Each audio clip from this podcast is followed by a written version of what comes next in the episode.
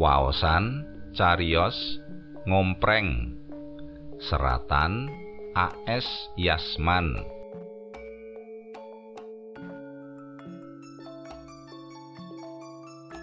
Ngompreng jaman saiki yen dibandingake rong puluh taun kepungkur pancen geseh banget. Jaman semono penumpang nggoleki angkot. Nanging saiki angkot sing genti ngenteni penumpang. Jaman biyen budal jam 6 esuk ngandang jam 6 sore. Entuk-entukane kena nggumangan wong sak omah lan nyekolahake anak. kepara isih ana turahan sithik kanggo nyelengi. Nanging saiki sedina mbetetet ngompreng nggo setoran wae comprang-campreng ora ana turahane. Kabeh mau kegawa saka kemajuane jaman. Saiki motor uduk weton Jepang kaya dene Yamaha lan Honda wis anjrah meh kabeh irung duwe. pawitan 500.000 oleh montor kinyis-kinyis. Senajan tembe mburine kudu mringis nyicil saben sasine. Apa meneh sing pegawe kena dijagakake pametune saben sasi. Sing jenenge tukang sapuratan. Iki ora nyemamah lho. Tumpakane ya montor uduk lan alat komunikasine ya HP. ora ning kutha tok para sedulur sing manggon ing desa budal ngarit ya numpak montor roda loro jare wis ora jamane mikul dami utawa nyunggi suket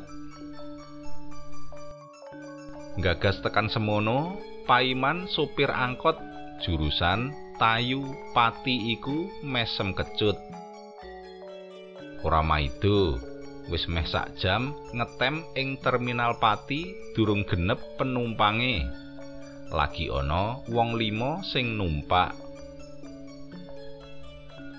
Nenggo sinten malih, Mas? Batih kula dereng diliwetake lho. Celuluke penumpang wadon tuwa karo ngubengake susure. Sabar nggih, Mbah. Niki jam budalan sekolah.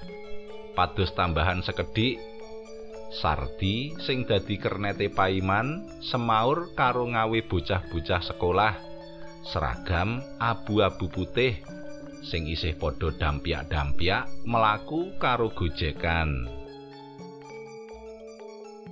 Wedari, trangkil, tayu, isih kotong.